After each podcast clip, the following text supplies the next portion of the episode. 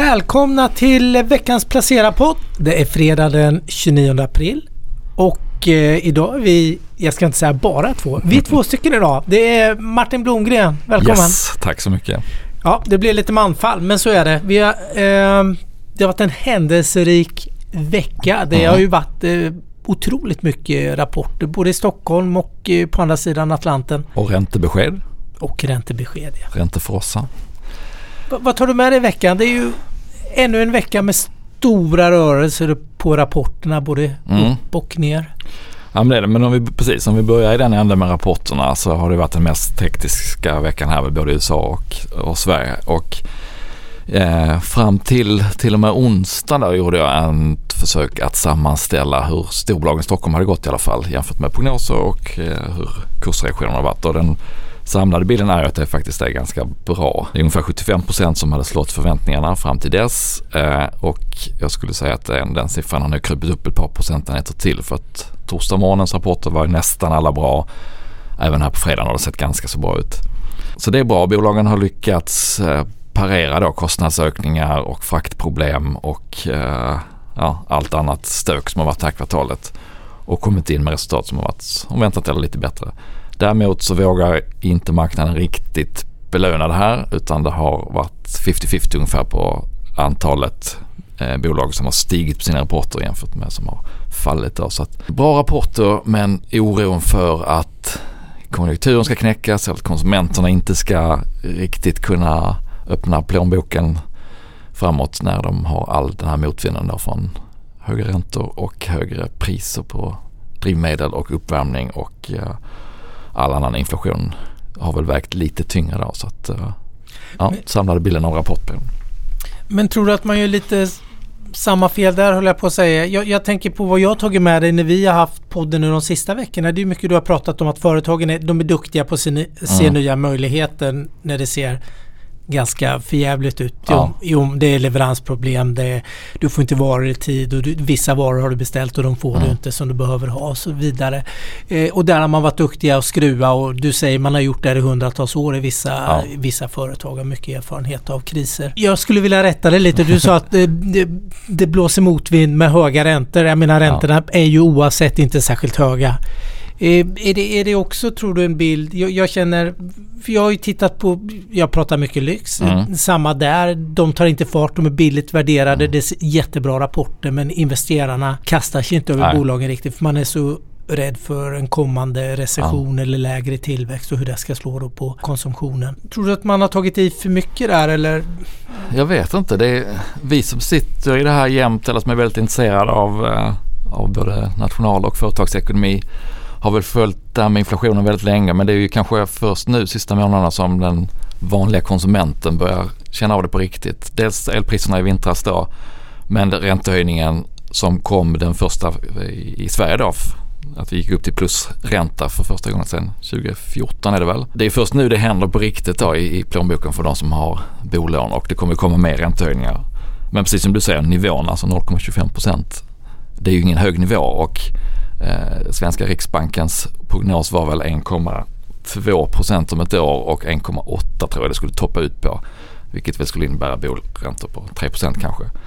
Eh, så vi som har eh, varit bostadsägare en tid har ju varit med om helt andra eh, nivåer på, på bolåneräntan. Så det är inte högt men, men riktningen är uppåt och lånen är större nu och det är nu effekten kommer. Och jag tror det är det som, som marknaden inte vågar blåsa av faran för på ganska länge. Att konsumenterna ska bli det som, som får det att bli en inte så mjuk landning som man hoppas på då.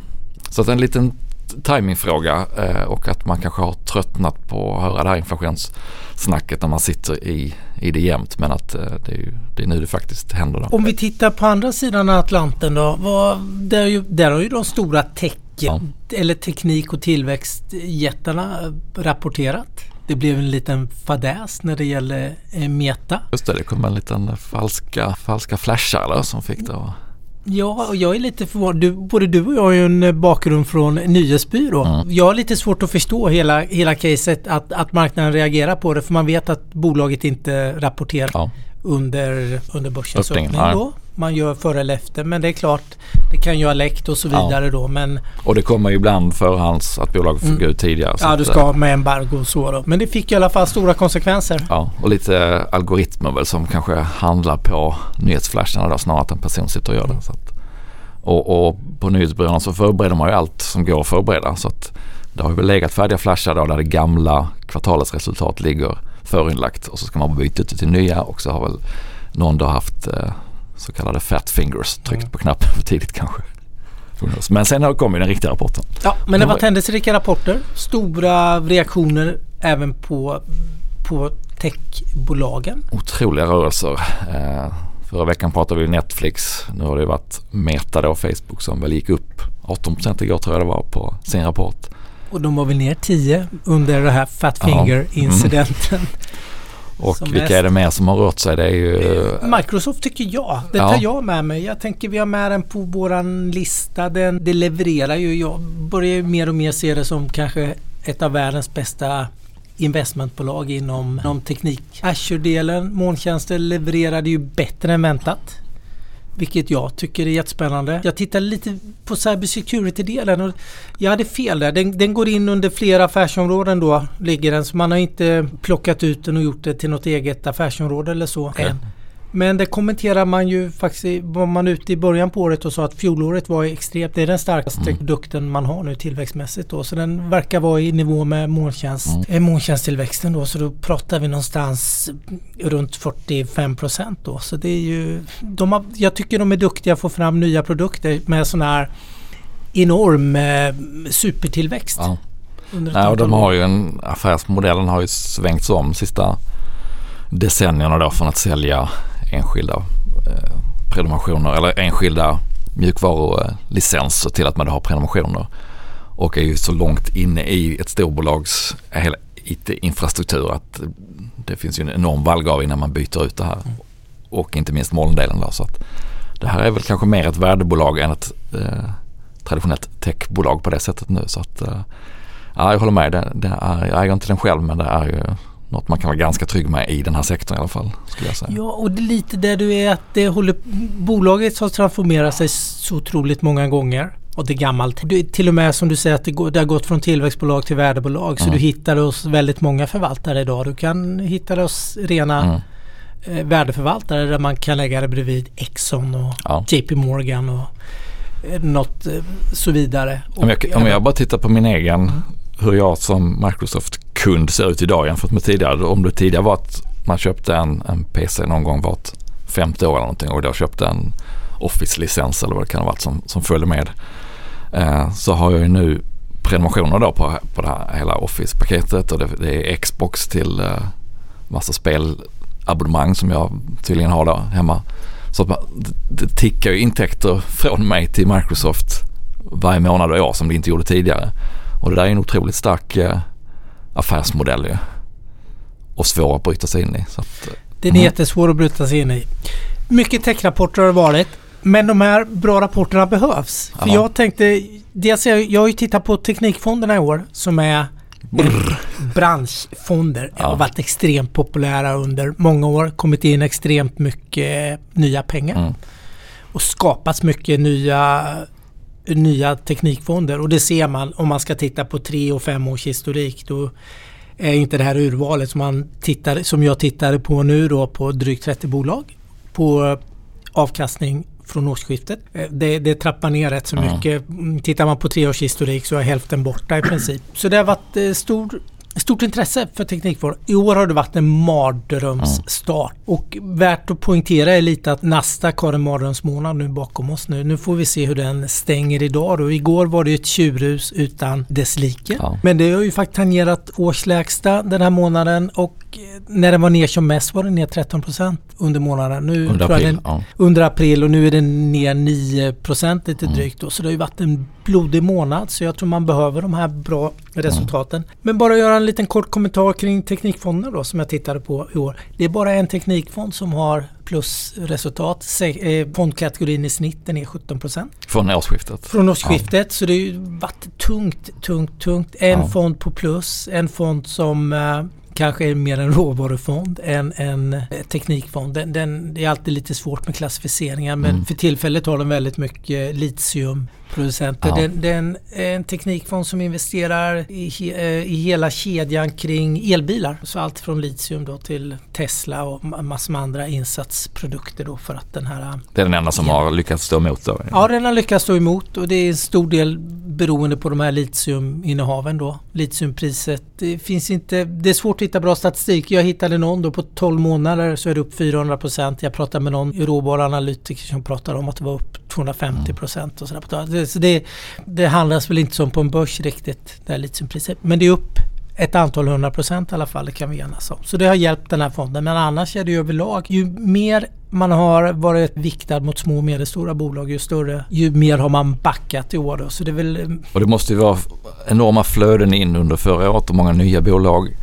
Och när flödena går ut så är det ju från höga värderingar man mm. tar de här också och, och kanske många bolag där med vinsterna långt fram i tiden och med hela ja. räntehöjningsnarrativet eh, i bakgrunden så, ja, då har så blir det otroligt tufft. Ja men precis, det har varit tufft och det har varit tufft för ju mindre högvärderade mindre bolag mm. som eh, där de härliga vinsterna hägrar ja. där framme någonstans i framtiden. Har tagit mycket stryk. Det var i alla fall nedslaget jag gjorde. Och sen råkade det bli så att Nasdaq var en extremt dålig månad. När jag tittade igår och innan den här stora uppgången i igår kväll så var det ju den sämsta månaden sedan mars 2020 faktiskt. Och då är vi på pandemiutbrottsmånaden ja. kan man säga. Ja. Nej, och det, normalt sett är ju april en av årets bästa månader. Så vi har ju fått se de här säsongsmönstren som eh, de kan man naturligtvis inte lita på men de har ju ändå i vissa fall tenderat att vara ganska pålitliga.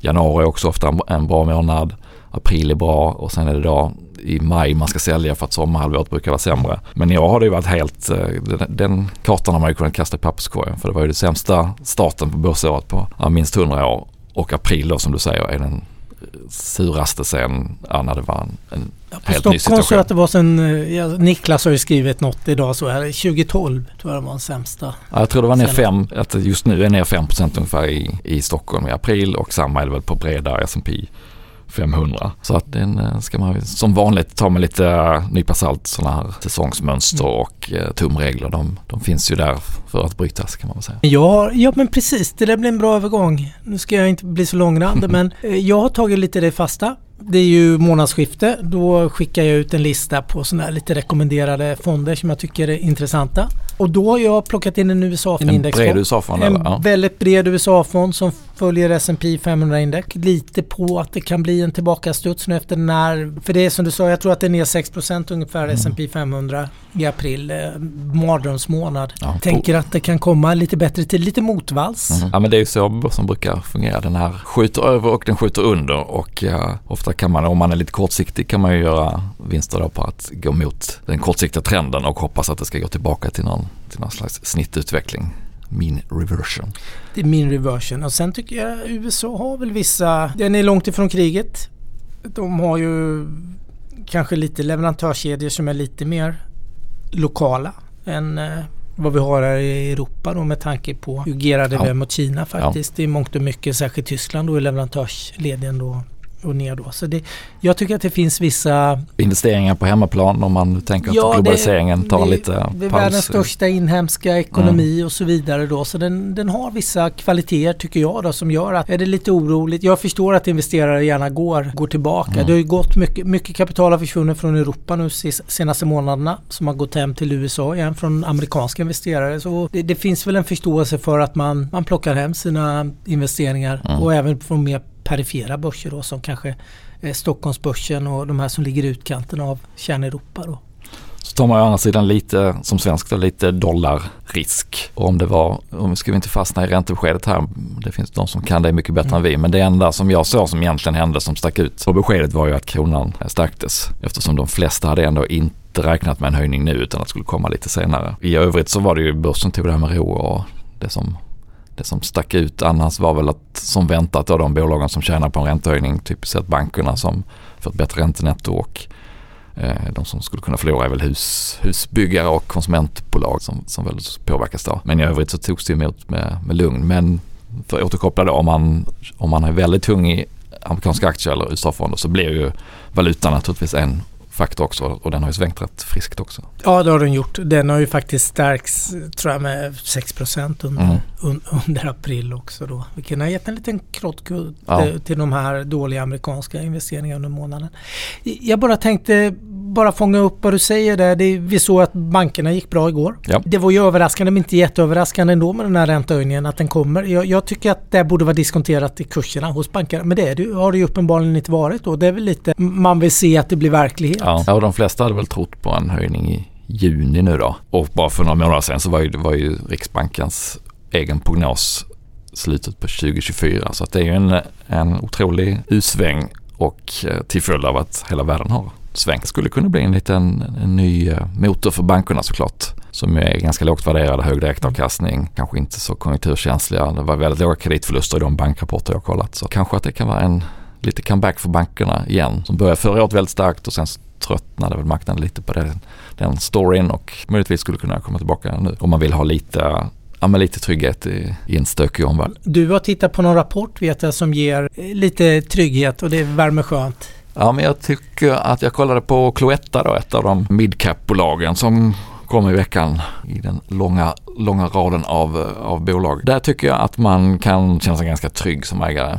Jag äger dem själv faktiskt sen, sen, tidigare men rapporten var bra, lite bättre än väntat. Det är inte så många analytiker som följer dem men det var bättre än vad de hade i sina konsensusprognoser. Man har lyckats höja priserna då i takt med att kostnaderna har ökat. Eh, det är en produkt som man kanske inte är så priskänslig för. Vill man ha en påse gott och blandat så så är det inte alltid den där sista kronan som avgör om man köper det eller inte. Eh, däremot så flaggar de då för att i andra kvartalet kommer det att bli timingmässigt lite svårt att hinna höja priserna i samma takt som deras råvarukostnaderna ökat. Och då fick eh, aktiemarknaden lite, eh, inte ett stort spel, men ett litet spel och sänkte den med 4-5%. Vilket känns lite omotiverat tycker jag. De själva är ganska konfidenta med att på helåret så ska de kunna kompensera. Och aktien är rätt lågt värderad på mina lite grova prognoser. P14 i år, P12 nästa år. Finns en öppna upp eh, vinnarfaktor kvar i det här bolaget. Om vi jämför 2022 med förra året så var det fortfarande väldigt mycket stängt under 2021. Nu är vi ute mer i köpcentra, ute på arbetsplatser, ute på biografer, ute och reser. Vilket gynnar deras eh, försäljning. Eh, Lösgodiset framförallt var det som tog stryk då under pandemiåren och där såg man nu att den är upp 24 eller 25 procent var det väl i kvartalet. Och ja, vissa nischprodukter som pastiller och tuggummi är sånt som har tagit väldigt mycket stryk där när vi sitter hemma så känner man inte samma behov av att uh, lukta fräscht. Mm. Så att uh, den delen har de lite att, att hämta upp i efter pandemin och eh, som sagt om man är lite orolig för konjunktur och eh, konsumentens man säga, köpkraft när det gäller lite större varor så är det här ett rätt så eh, tryggt val tror jag. Så att eh, den tror jag man kan sitta ganska trygg med det här året. Nej, du har ju en liten poäng där. Det är, det är ju en klar öppna upp effekt. Till och med jag har hunnit att springa på bio två gånger nu här. Ja.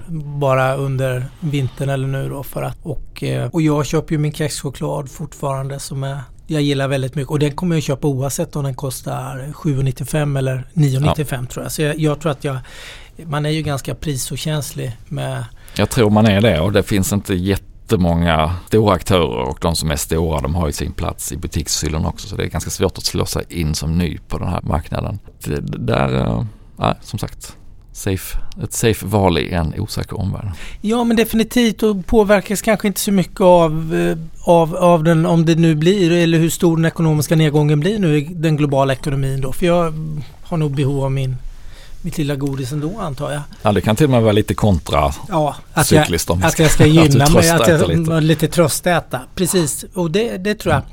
Men det är ingen, jag ska bara säga, det, är ingen, det här är ingen kursdubblare eller den värdet utan det handlar snarare om att jag tycker det borde finnas, den står i 24 kronor ungefär. Det är inte orimligt att den skulle gå upp mot närmare sig 30 bara på att värderingen kom upp lite. Att de visar bra siffror då även om andra kvartalet blir lite svagare. Så det är mer den förväntningen man ska ha kanske att det här är en en 20% resa att hämta med hyggligt låg risk. Mm. Så att man har rätt förväntningar.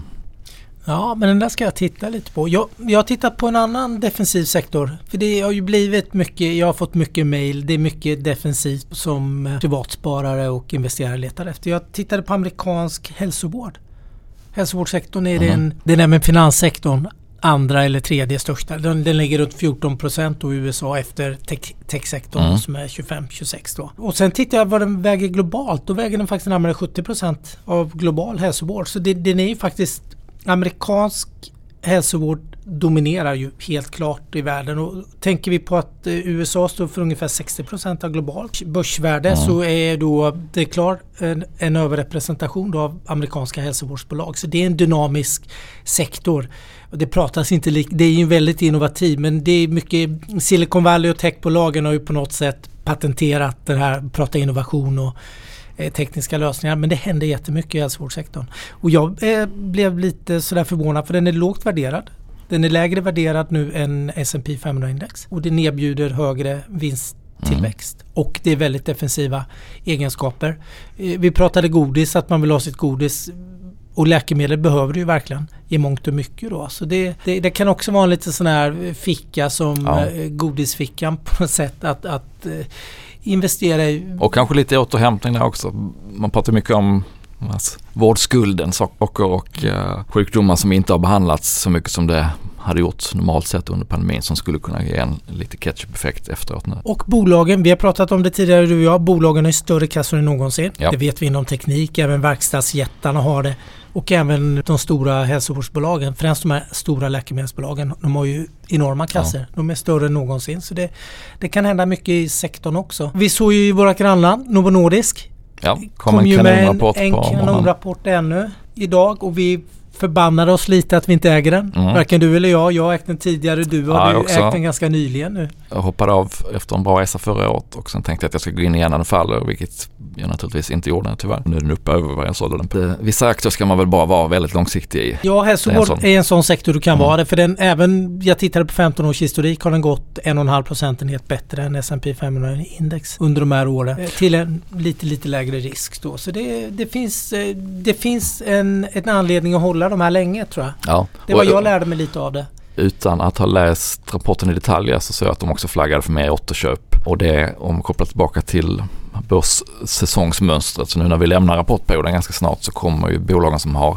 som gör stora återköp att kunna återuppta dem igen. Så det skulle också kunna vara en liten, åtminstone en liten, liten knuff framåt på majbörsen här. Att, eh, att de ganska massiva återköps, aktieåterköpsprogrammen som många bolag har tas upp och ger lite stöd till aktiekurserna. Så att, ja, det, är inte, det är inte bara dystert.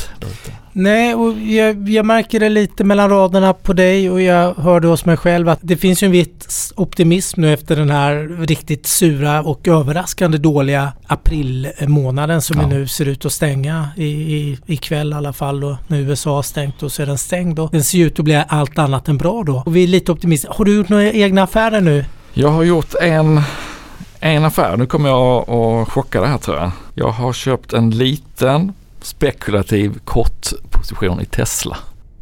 Ramlade av stolen. Hela bakgrunden, är, eller hela bakgrunden, men Twitter är ju på väg att bli uppköpt som alla, som väl ingen har missat, av Elon Musk som ju är grundare också, stärgare i Tesla. Och det är ju spännande i sig för att se vad han ska göra med Twitter men min första och största tanke där är egentligen att det finns ju ingenting i det här som är bra för Tesla-aktien. Utan han lägger ju väldigt mycket tid och energi på Twitter och på att twittra om Twitter och att vara i fade med de som inte håller med om, om det här och, han, och vad han innebär. Vad han menar med free speech och vad han vill göra med Twitter det, det kan väl vara en annan fråga. Men, men för att köpa ut det här bolaget för 44 miljarder dollar är det väl så har han ju köpt eh, aktier där först för att komma upp i det var 9% och sen så är det då ett sånt här leverage buyout där, där han måste ta upp ganska mycket lån för att köpa ut det. Och som säkerhet för de här lånen så är ju en del åtminstone Tesla-aktier.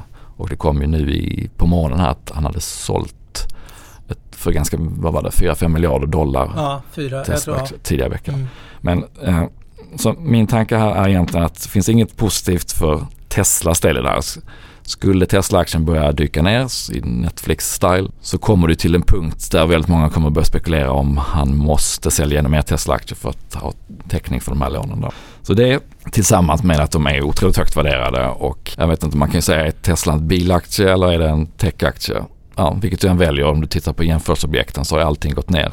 Teknikaktier har gått ner, bilaktier har gått ner, Tesla har inte gått ner speciellt mycket. Så att den här övervärderingen som många har bettat emot och fått käka upp dyrt är väl det jag ger mig in på lite här också då, tillsammans med att det här skulle kunna bli en katalysator då, själva Twitter-affären för att värderingen kommer ner ganska ordentligt. Så då har jag gått in i ett sånt här eh, certifikat, bear-certifikat. Mm. Men och, och, det finns ju en fanbase till Tesla som är otroligt stor. Mm. Som kanske inte ser skillnad på bolaget, personen och aktien. Som har gjort att alla som har gått emot det har, har fått fel och fått betala dyrt för det. Så att eh, det här är ingen, eh, inget som jag kommer att sitta på länge men vi har ju en regel om man jobbar i vår bransch att man måste äga värdepapper i en månad minst innan man säljer med vinst. Så att de här typen av certifikat med stor hävstång är ju inte att rekommendera generellt kanske inte för oss speciellt. Det är inget jag tänker att jag är speciellt långvarig i men känns eh, som en spännande trade att ta. Så den är inne också, jag är som jag berättade förra veckan lång i Renault då så att det är en, en liten power trade här med lång Renault kort Tesla och så får vi se vad det här spelar ut. Ja, det där ska vi följa med, med spänning. Jag minns ju din, eh, får man kalla gamla kryptotraden där. Ja, den var också en kort eh, dålig trade. Snabbt in, snabbt ut. Ja, nej men det är det man ska göra. Är det något annat? Du har ju... Nej, det är det enda jag har gjort faktiskt. Annars i och med det så är jag i princip fullinvesterad. Det känns lite läskigt med tanke på omvärldsläget. Ja, men det hade varit värre om du hade varit fullinvesterad för en månad sedan. Ja. Vid eh, ingången av april uppenbarligen. Lite facit. Nu får vi se hur det här maj slutar nu. Om det slutar i ren förskräckelse också eller om det blir, det blir lösningar på de här problemen vi har ute i, världen. Jag tänker Kina med lockdowns och Ukraina-kriget och så. Så det, ja, man får väl hoppas på det bästa. Själv har jag faktiskt bara gjort någon liten marginell. Jag plockade upp lite Hermes Aha. aktier efter rapporten. Jag tyckte att rapporten var bra. Så jag eh, tog in lite till. Jag hade en liten position så jag har köpt några. Och det har inte materialiserats i någonting ändå. Men den, det är en långsiktig puck. Så vi, vi får se. Men det jag fyllde på bara för att eh, få upp lite, få en liten större andel av det. Annars har inte jag gjort någonting. Jag tycker det har varit så otroligt svängigt. Lätt att handla bort kortsiktigt. Mm. Och helt enorma rörelser på vissa rapporter när, när gamla bilden av vad bolag har för intjäning eller vilken värdering det ska ha vänder så kan det gå väldigt snabbt både neråt och uppåt. Ja, det kan det faktiskt göra. Så det, jag har suttit lite still. Jag hade ju köpt lite hälsovård tidigare här, fonder. Så det, jag har blivit lite defensivt. Ja, jag är skapligt, tycker jag, defensiv portfölj också om man, om man rensar bort de här lite mer, vad ska man säga, lekfulla inhoppen då i, i, Tesla här och Renault och lite annat. Så. Men jag tänkte på Cloetta har du inte handlat något mer? Nej, du hade ett litet innehav sedan tidigare. Ja. Men du har inte köpt mer nu på den här 5-procentiga nedstället som nej, de fick? Nej, det har jag inte gjort. Nej, man blir lite den. mätt ibland också på att säga. ja, men det går ju inte bara... Ja. Det var det jag har gjort. Är det något annat du... Nej, jag tycker vi önskar väl uh, trevlig valborg då. Just det. Ta det lugnt, bränn inte fingrarna. Nej, trevlig valborg. Ha det gott.